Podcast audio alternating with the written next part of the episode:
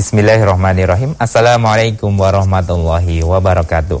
Saudaraku pemirsa MTA TV di mana pun Anda berada, puji syukur Alhamdulillah senantiasa kita panjatkan kehadirat Allah Subhanahu wa Ta'ala atas limpahan karunia nikmat dan juga rahmatnya. Akhirnya pada kesempatan kali ini kita bisa berjumpa kembali dalam program Fajar Hidayah. Baik pemirsa, mari kita manfaatkan waktu di pagi hari ini untuk memperdalam ilmu agama kita. Dan Alhamdulillah hari ini narasumber kita yaitu beliau Ustadz Ahmadi. Langsung saja kita sapa. Assalamualaikum warahmatullahi wabarakatuh. Waalaikumsalam warahmatullahi wabarakatuh. Kabar baik dan sehat hari ini. Alhamdulillah sehat. Alhamdulillah. Semoga Ustadz senantiasa diberikan kesehatan. Ya, amin. Dan juga untuk para pemirsa hari ini bagaimana kabarnya? Semoga pemirsa juga dalam keadaan sehat, dalam keadaan baik sehingga dalam menjalankan aktivitas dan ibadahnya bisa maksimal.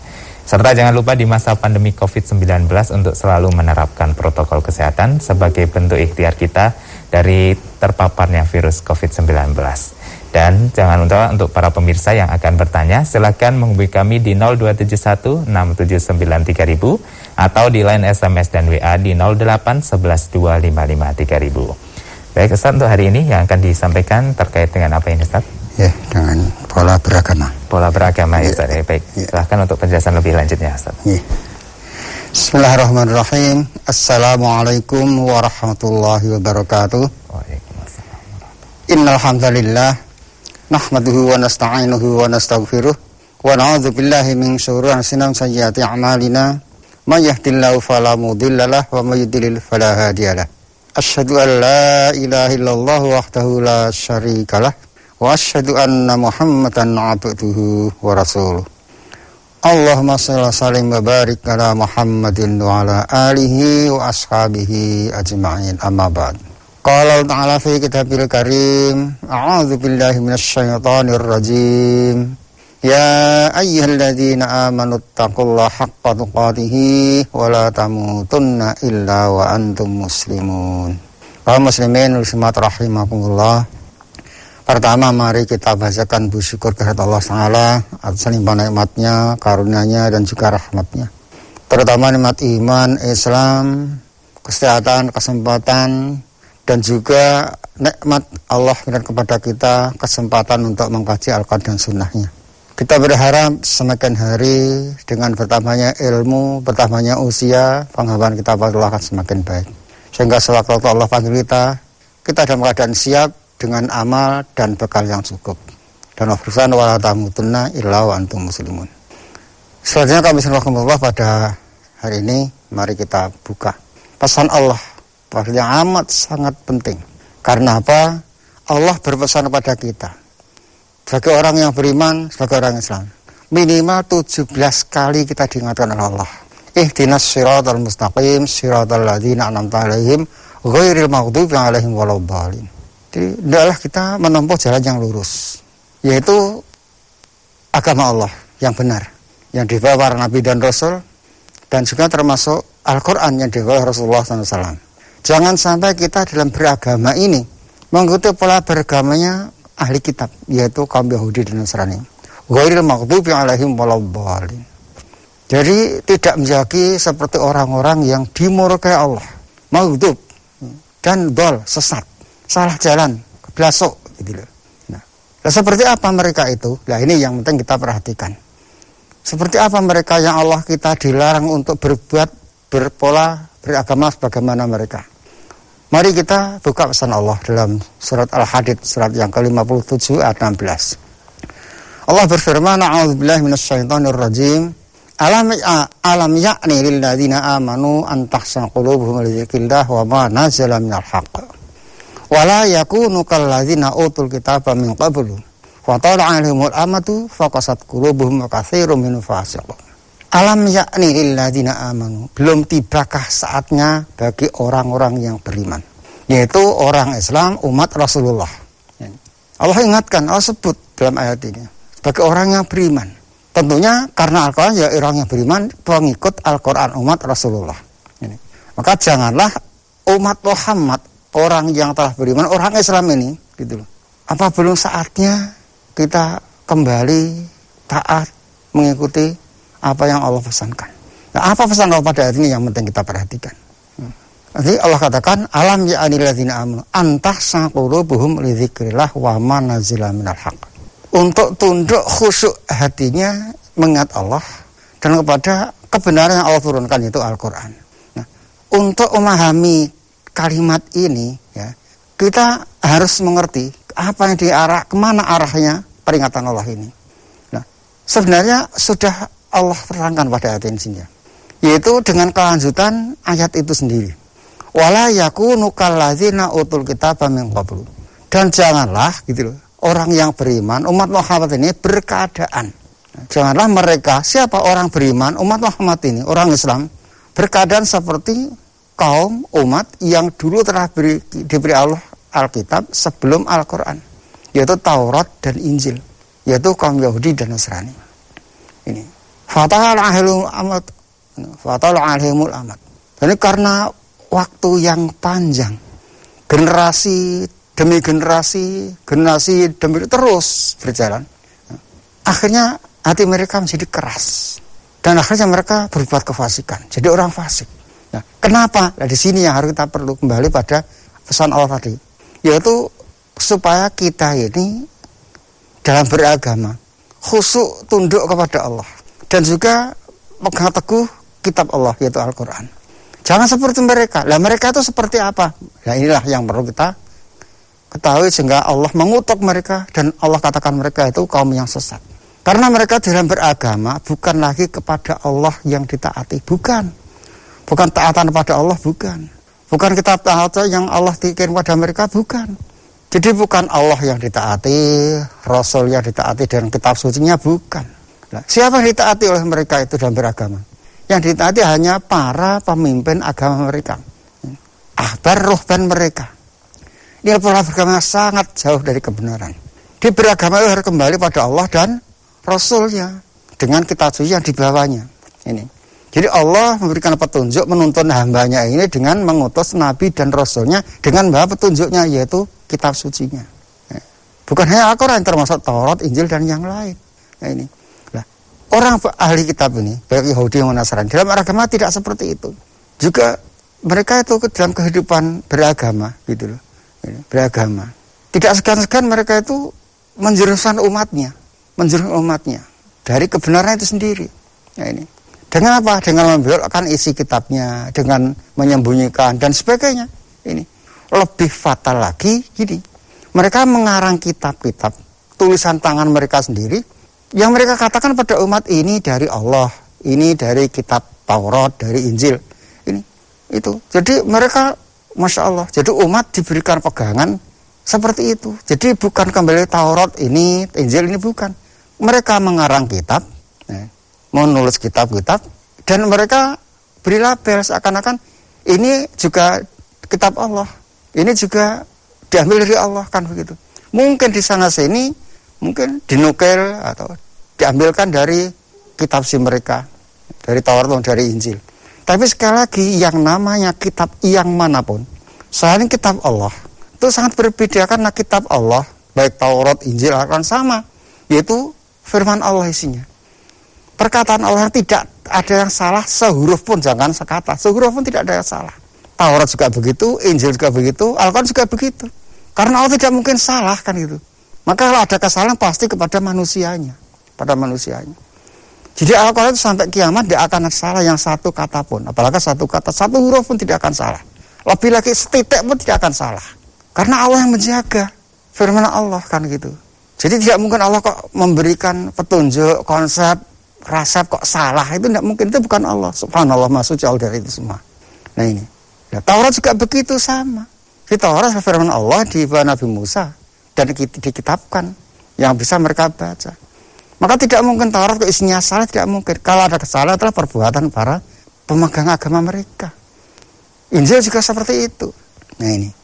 Nah, kembali yang perlu kita perhatikan, kalau terjemahnya bisa salah gitu loh.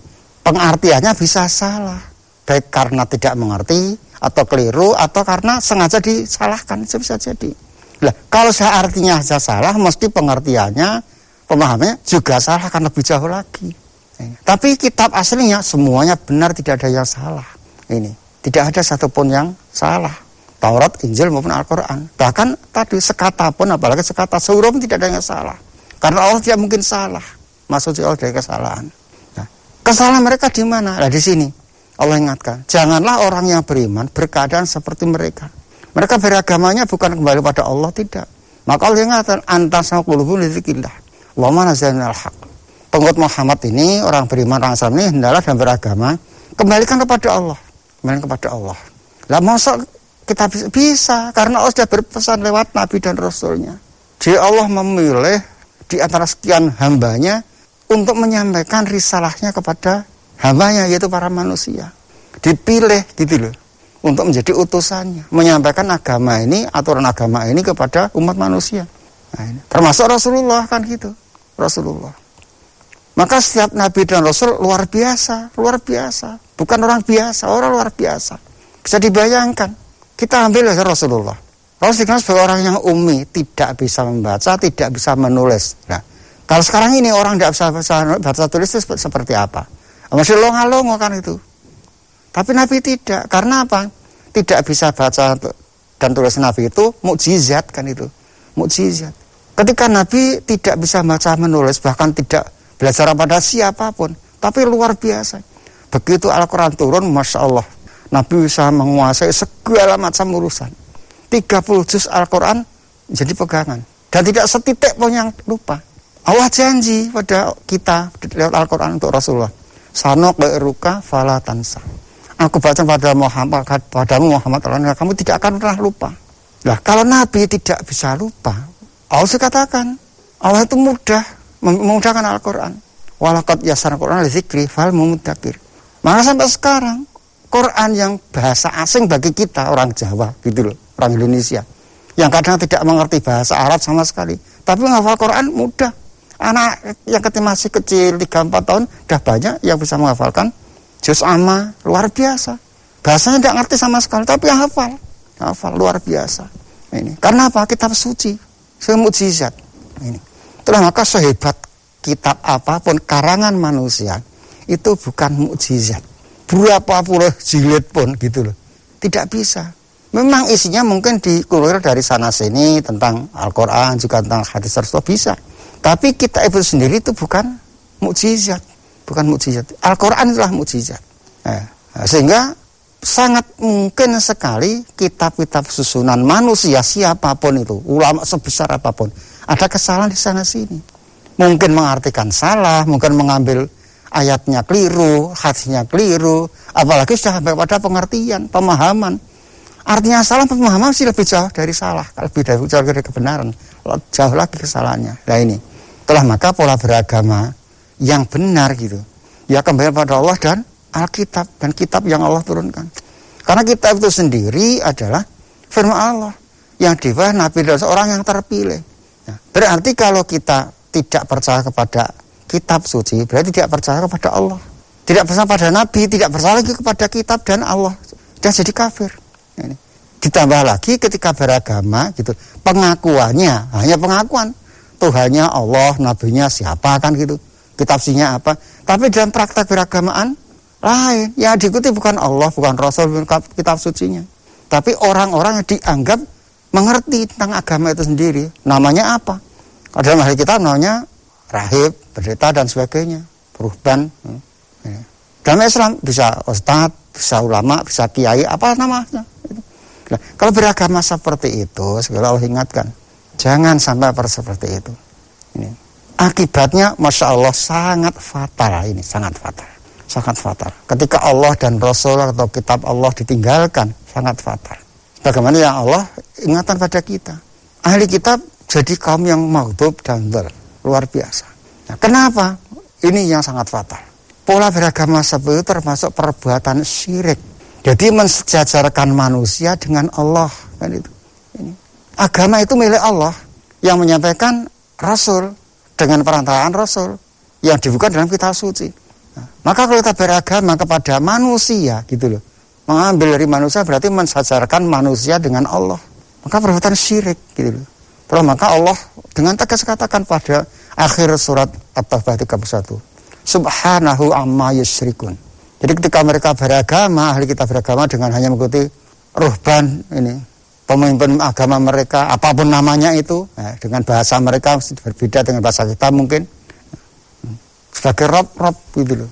Di samping Allah kan itu. Maka mereka termasuk syirik gitu loh. Syirik. Lah kalau sudah berbuat syirik itu jangan berharap kebaikan. Setidak pun tidak ada kebaikan. Katakanlah sebagai orang Islam, Masya Allah ya.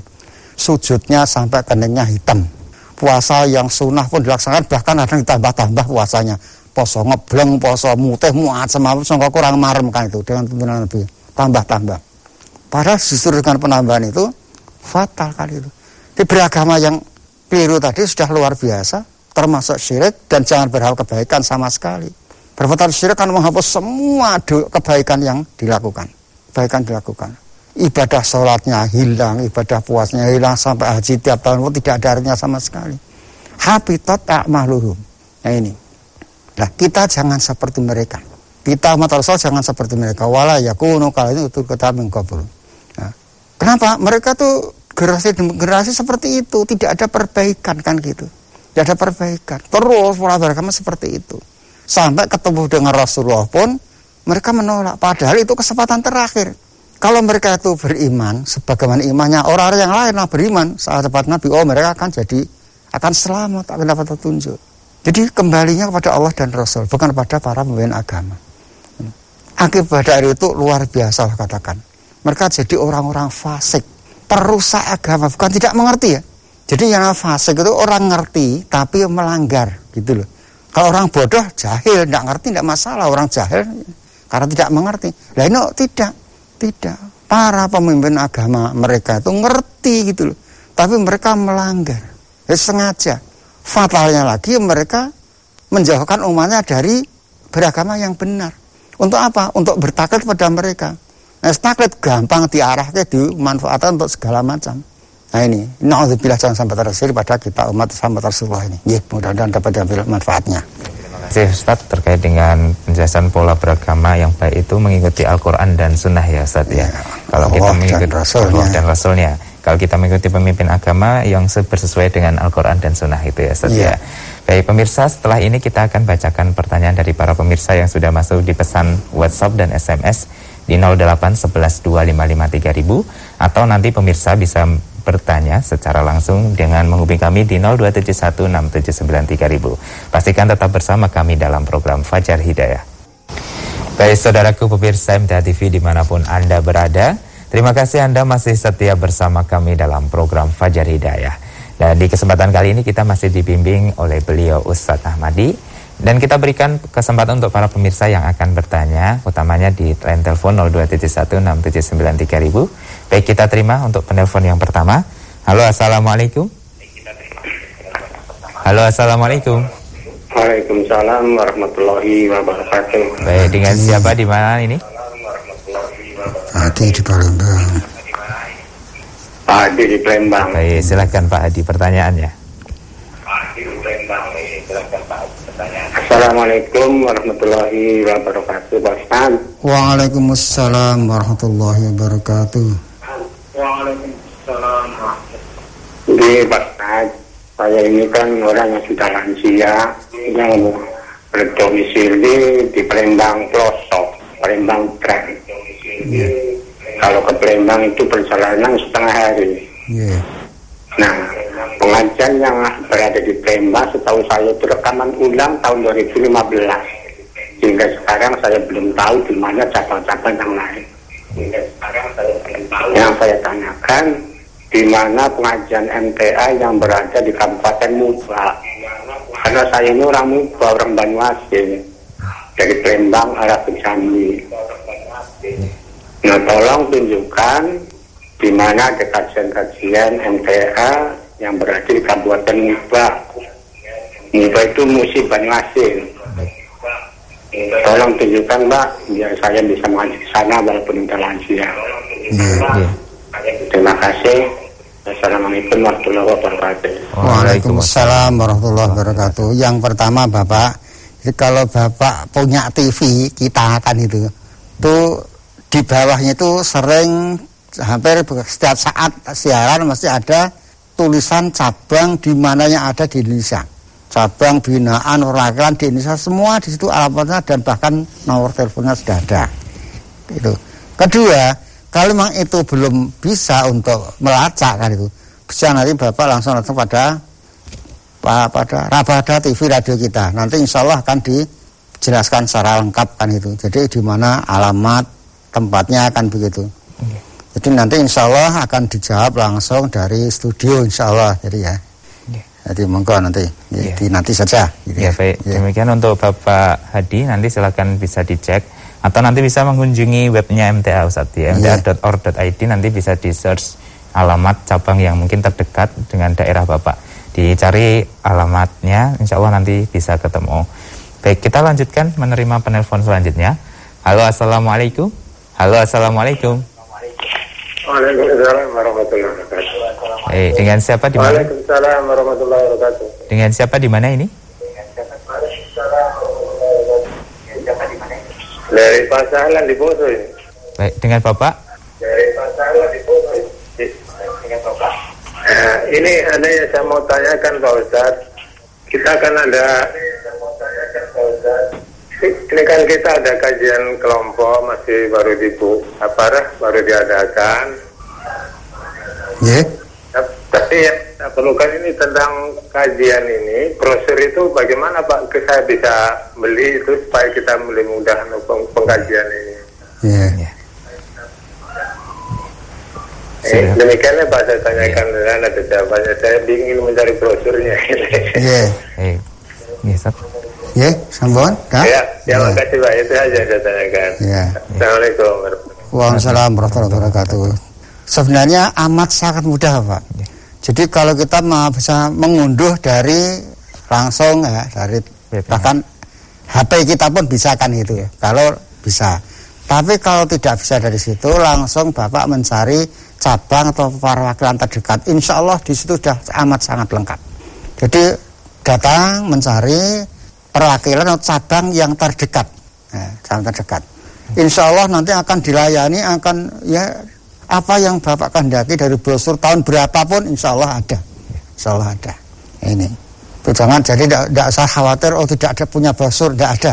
Kita memang sengaja dalam kajian kita ini bukan sekedar pidato ngomong tidak, tapi betul-betul kita itu bagaimana mencontoh para ulama dulu jadi ulama dulu mewariskan itu bukan hanya pesan omongan tidak, tapi kitab. Jadi para ulama dulu harus kitab, masya Allah luar biasa. Kalau kita kan gampang brosur dadai kan itu, dadai. Dulu tidak. Para ulama kita dulu tuh dengan tangan mereka menulis gitu loh, tulisan tangan. Dan tidak semudah sekarang nih kertas sudah tersedia tidak. Tapi karena jasa mereka mereka lah sampai agama itu pada kita gitu, pada kita. Nah, maka kita juga mencontoh mereka-mereka beliau itu, itu. Jadi ada catatan, ada tulisan yang bisa dikaji lebih lanjutkan begitu. Sehingga satu eh, satu memiliki sekarang lebih mudah sekali. Di fotokopi berapa rangkap pun bisa kan itu. Jadi yang punya satu orang datang ke kelompok, ada datang ke perwakilan cabang, kemudian setelah di kelompok nanti di fotokopi sejumlah warganya. Sudah bisa ngaji langsung saling menyimak. Ini. Nanti ada pertanyaan yang tidak jelas dibicarakan, kalau tidak jelas juga nanti dicatat kemudian ditanyakan, ya, ditanyakan kan itu. Jadi masya Allah luar biasa sebenarnya kesempatan Allah berikan kepada kita saat ini untuk memudahkan kita mendapatkan ilmu agama ini. Gitu Bapak, mudah-mudahan saya dapat dipahami. Demikian untuk Bapak Sarno.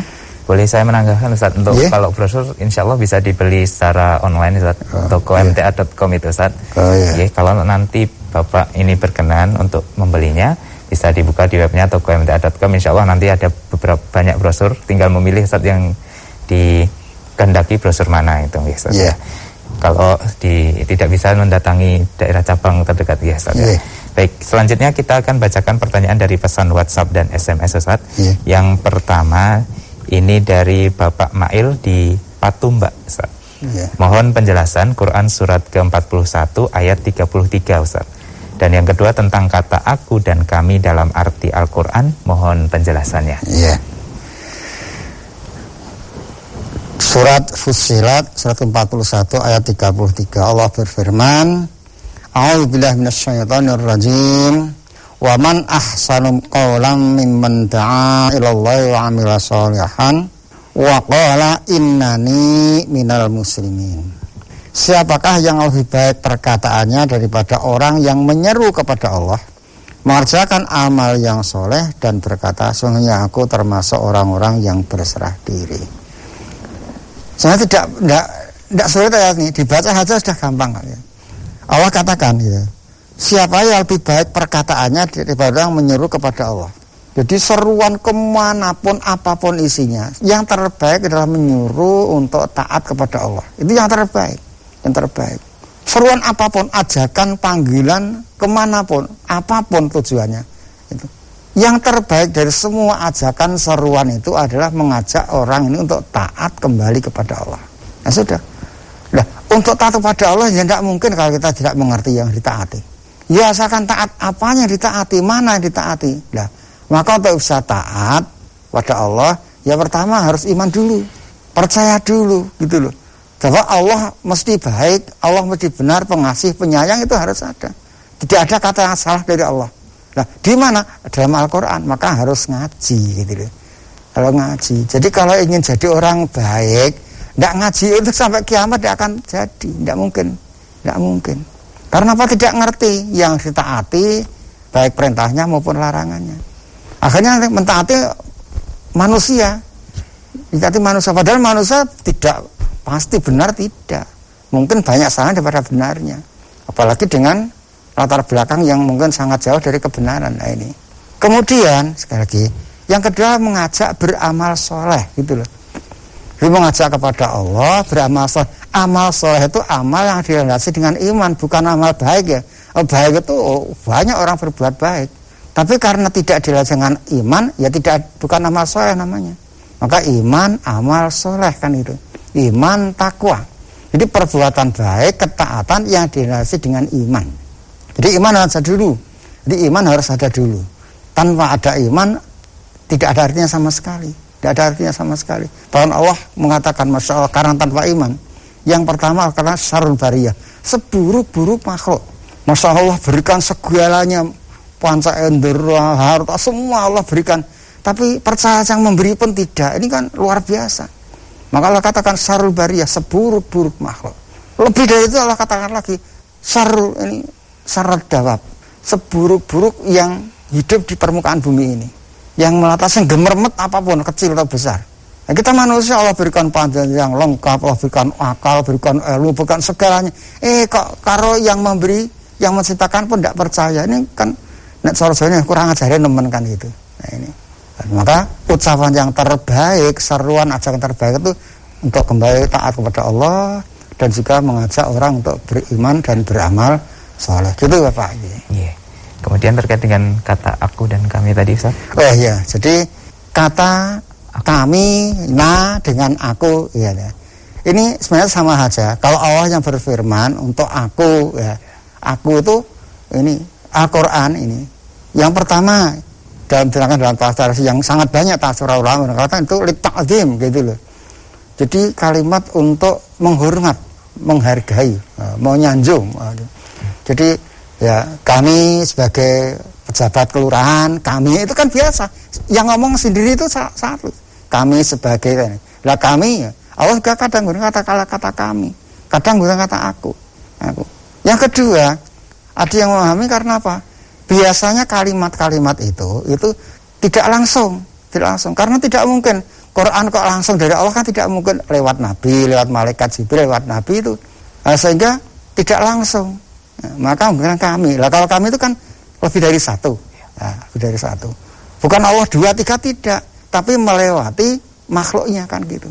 Tidak Allah langsung. Maka Al-Quran juga begitu. Dalam penjagaan Al-Quran Allah katakan Allah menurunkan Al-Quran tapi tidak langsung pada kita tidak. Tapi lewat Nabi dan Rasulnya. Maka Allah katakan Inna nahnu nazana zikra wa inna lahu hafidun. Dan untuk menjaga juga Allah tidak langsung tidak. Untuk menjaga Al-Quran ini selamat Allah buat mudah dihafal. Tidak mungkin keliru karena anak kecil pun kalau keliru ya mengerti. Katakan satu yang kita semua hafal. Kul wallahu ahad. Ada yang masuk kul wallahi mesti salah. Dari segi nahu salah anak kecil pun upah hafalannya tidak seperti itu.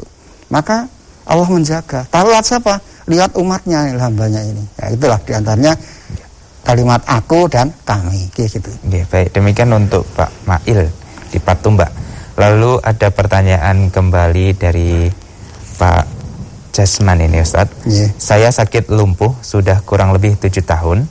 Saya kalau sholat telapak kaki saya saya tutup rapat karena sering anyep atau dingin. Yeah. Apakah sah sholatnya Ustaz? Ya. Yeah. Bapak yang mau diperhatikan ini ada permasalahan yang luar biasa yang menjadi menjadi pedoman pokok kan itu.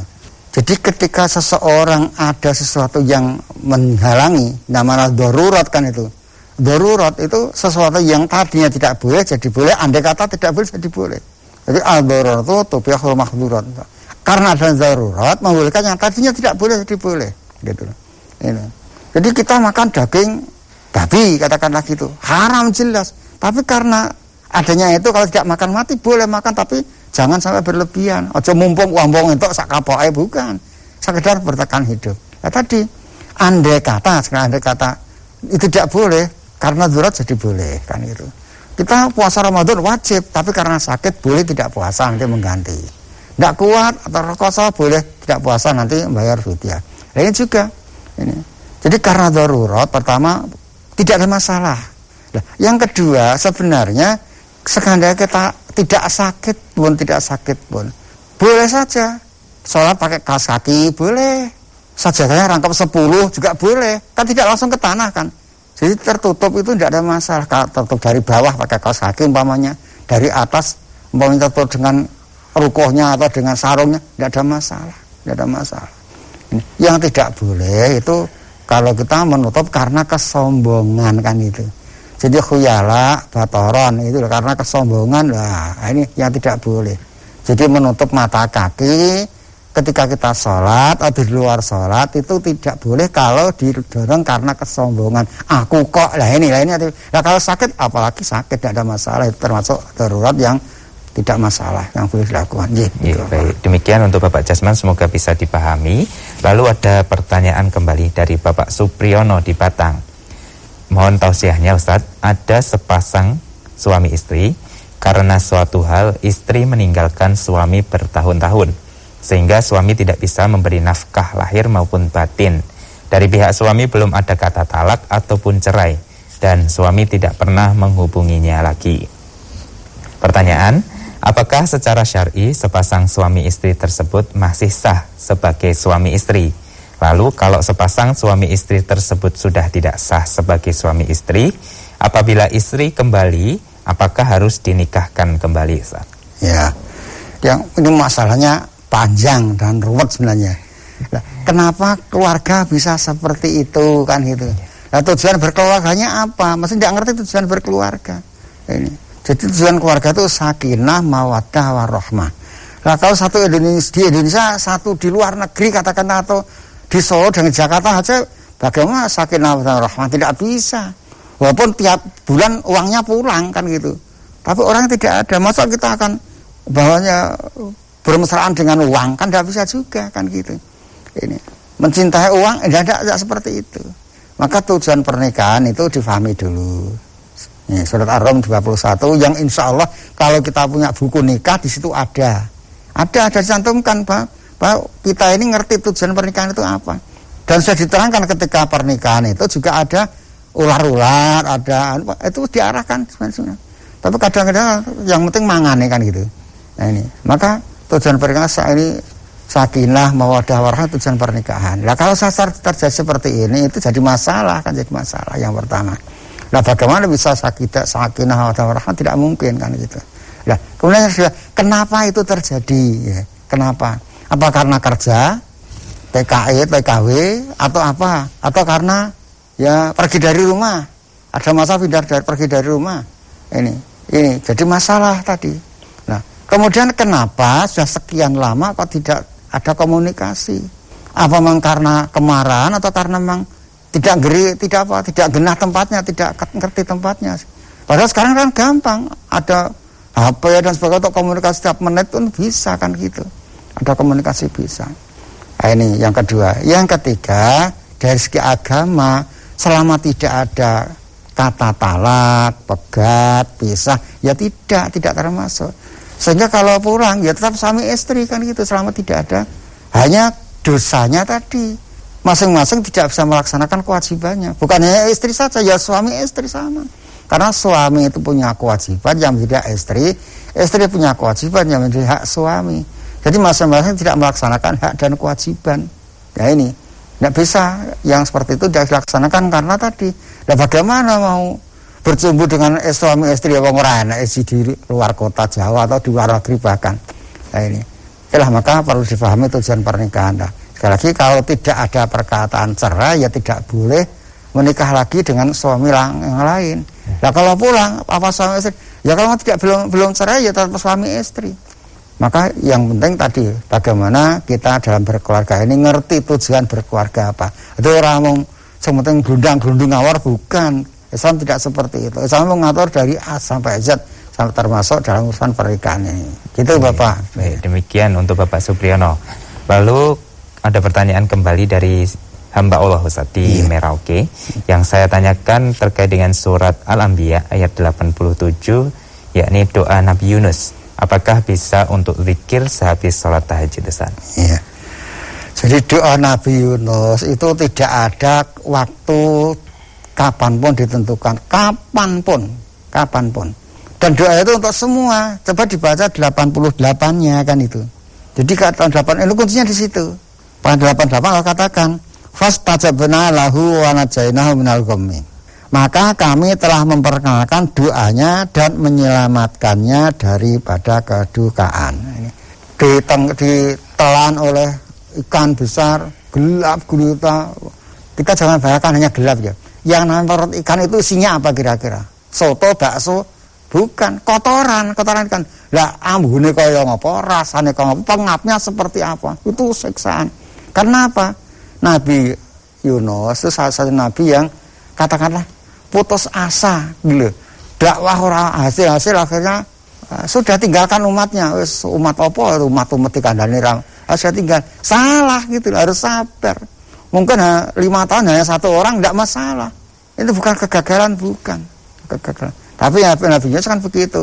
Karena dikandani umatnya angel, tinggal pergi. Allah ingatkan, Allah ingatkan lewat dimakan ikan besar tadi. Tapi karena di dalam perut ikan sadar, oh iya ya aku keliru, ya. Allah keliru dengan doanya gitu. Ini La ilaha illallah subhanaka inni kuntu minadh satu salah gitu loh maka karena menyadari dan pada Allah, Allah ampuni. Allah terima doanya. Maka dikeluarkan lagi dari perhatikan kan gitu. Nah, kemudian di kali ayat 8 Allah katakan wa kadzalika nunjil mukminin dan begitulah kami selamatkan orang yang beriman. Jadi doa ini untuk siapa pun orang yang beriman bisa berdoa seperti itu ketika mendapatkan satu kesulitan. Jadi ketika dia menghadapi kesulitan, masalah-masalah, doa ini kapan pun siang malam habis sholat ini tidak ada masalah boleh. Yang penting jangan kita baca ini di tempat-tempat yang dilarang kita membaca Al-Quran. Kita berdoa gitu saja. Yeah, baik. Demikian kemudian ada lagi Ustaz dari Ibu Titik dari Batang Ustaz mau tanya terkait dengan doa untuk kedua orang tua doa tersebut ada yang diawali Robi Firli dan Allahumma Firli pertanyaan doa mana yang pas untuk diajarkan kepada anak TK Apakah keduanya juga maksudnya sama? Eh, jadi pakai kata Robbi Firli, Allahumma Firli itu maksudnya sama. Robbi Firli, asalnya Robbi gitu. Ya Tuhanku, ampunilah aku. Ya Tuhanku itu siapa? Ya Allah sama, karena tiada Tuhan selain Allah. Allah itu ya Tuhan kita itu ya Allah itu, tidak ada Tuhan selain Allah. Jadi kalau orang Islam menyebut ya Tuhanku itu mesti ya Allah kan itu. Nah, ya Allah itu dibahasakan Allahumma ya Allah.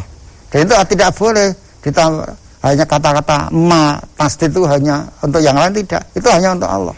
Allahumma. Jadi huma kata huma ini dengan mentasi ini hanya untuk Allah saja. Allahumma ya Allah kan itu. Ya Rabbi ya Tuhan. Itu siapa? Ya Allah sama. Jadi pakai Rabbi juga boleh, pakai Allahumma juga boleh. Sama maksudnya. Iya, yeah, baik. Demikian Ustadz untuk pertanyaan-pertanyaan yang kita bacakan pada kesempatan kali ini sebagai terakhir barangkali ada kesimpulan oh. untuk para pemirsa Ustadz. Yeah. Kalau Bismillahirrahmanirrahim sekali lagi saya ingatkan, saya sampaikan terutama untuk diri saya sendiri juga untuk kita semuanya. Jadi suatu nikmat yang luar biasa Allah berikan pada kita. Selain Allah berikan pada kita nikmat iman dan Islam. Itu nikmat yang luar biasa. Tanpa iman, Islam, hidup kita tidak ada artinya di hadapan Allah. Luar biasa kalau katakan kal an'am bahul adol. Seperti hewan ternak bahkan lebih rendah. Mereka tidak punya akal, kita punya akal. Mereka tidak diberi wahyu, kita diberi. Ini. Maka kalau kita sama dengan mereka, ya lebih jelek kan gitu. Apalagi pendidikannya tinggi sampai profesor tidak kenal Tuhan. Itu kalah dengan kambing kan gitu. Coba kalau bulan Dzulhijjah kambing itu masya Allah luar biasa manfaatnya. Untuk korban kulitnya untuk ini. Nah kalau kita untuk apa? Jadi sampah kan kalau kita tidak punya Tuhan tidak punya agama. Maka lebih jelek. Lebih dari itu saya katakan sarul bariyah syarat jawab seburuk malah seburuk yang ada di permukaan bumi ini karena tidak punya iman kita punya Islam, punya iman, punya Islam. Itu ternyata belum cukup. Betapa banyak kita ini sejak kecil jadi orang Islam. Ya sholat, ya poso, bahkan haji semuanya. Tapi karena tidak ngaji, ya kan tidak ngerti. Tidak ngerti. Oh ini boleh, tidak boleh kan itu. Betapa banyak luar biasanya. Masya Allah, semuanya ngerti tentang. Tapi karena pengertiannya tidak bisa mengarahkan dirinya. Karena apa? Tidak punya kekuatan, tidak punya kekuatan. Nah kekuatan itu dengan Al-Quran karena Quran adalah mukjizat dan sifat lima fisudur. Maka ngaji Quran Sunnah amat sangat penting untuk kita perhatikan dan kita bersyukur kalau Allah berikan kepada kita kasih bisa ngaji Quran dan Sunnah. Ya gitu Allah berkat kemampuan kepada Baik, kita. terima kasih Ustaz untuk tausiah, nasihat dan pelajarannya pada kesempatan kali ini. Semoga Ustaz senantiasa diberikan kesehatan. Amin. Jumpa lagi di lain waktu Ustaz. Insya Allah. Assalamualaikum warahmatullahi wabarakatuh. Waalaikumsalam warahmatullahi wabarakatuh. Baik, saudaraku pemirsa MTA TV di mana pun Anda berada, demikian tadi telah kita ikuti dan simak bersama program Fajar Hidayah untuk edisi kali ini. Kami mengucapkan terima kasih untuk partisipasinya serta mohon maaf apabila ada pertanyaan yang belum sempat kami bacakan. Dan sekali lagi kami sampaikan untuk para pemirsa yang berkenan untuk membeli brosur, silakan bisa dibuka di websitenya di toko mta.com atau kalau para pemirsa ingin mencari alamat kajian bisa dibuka di webnya mta.order.id. Insya Allah nanti informasi lengkap ada di sana, pemirsa bisa mencari sesuai dengan alamat yang para pemirsa kendaki. Dan jangan lupa di masa pandemi COVID-19 ini untuk selalu menerapkan protokol kesehatan sebagai bentuk ikhtiar kita untuk terhindar dari paparan virus COVID-19. Akhirnya saya Wahid Arifudin pamit undur diri. Alhamdulillahirabbil alamin. Subhanakallahumma wa bihamdika asyhadu ilaha illa anta astaghfiruka wa atubu. Wassalamualaikum warahmatullahi wabarakatuh.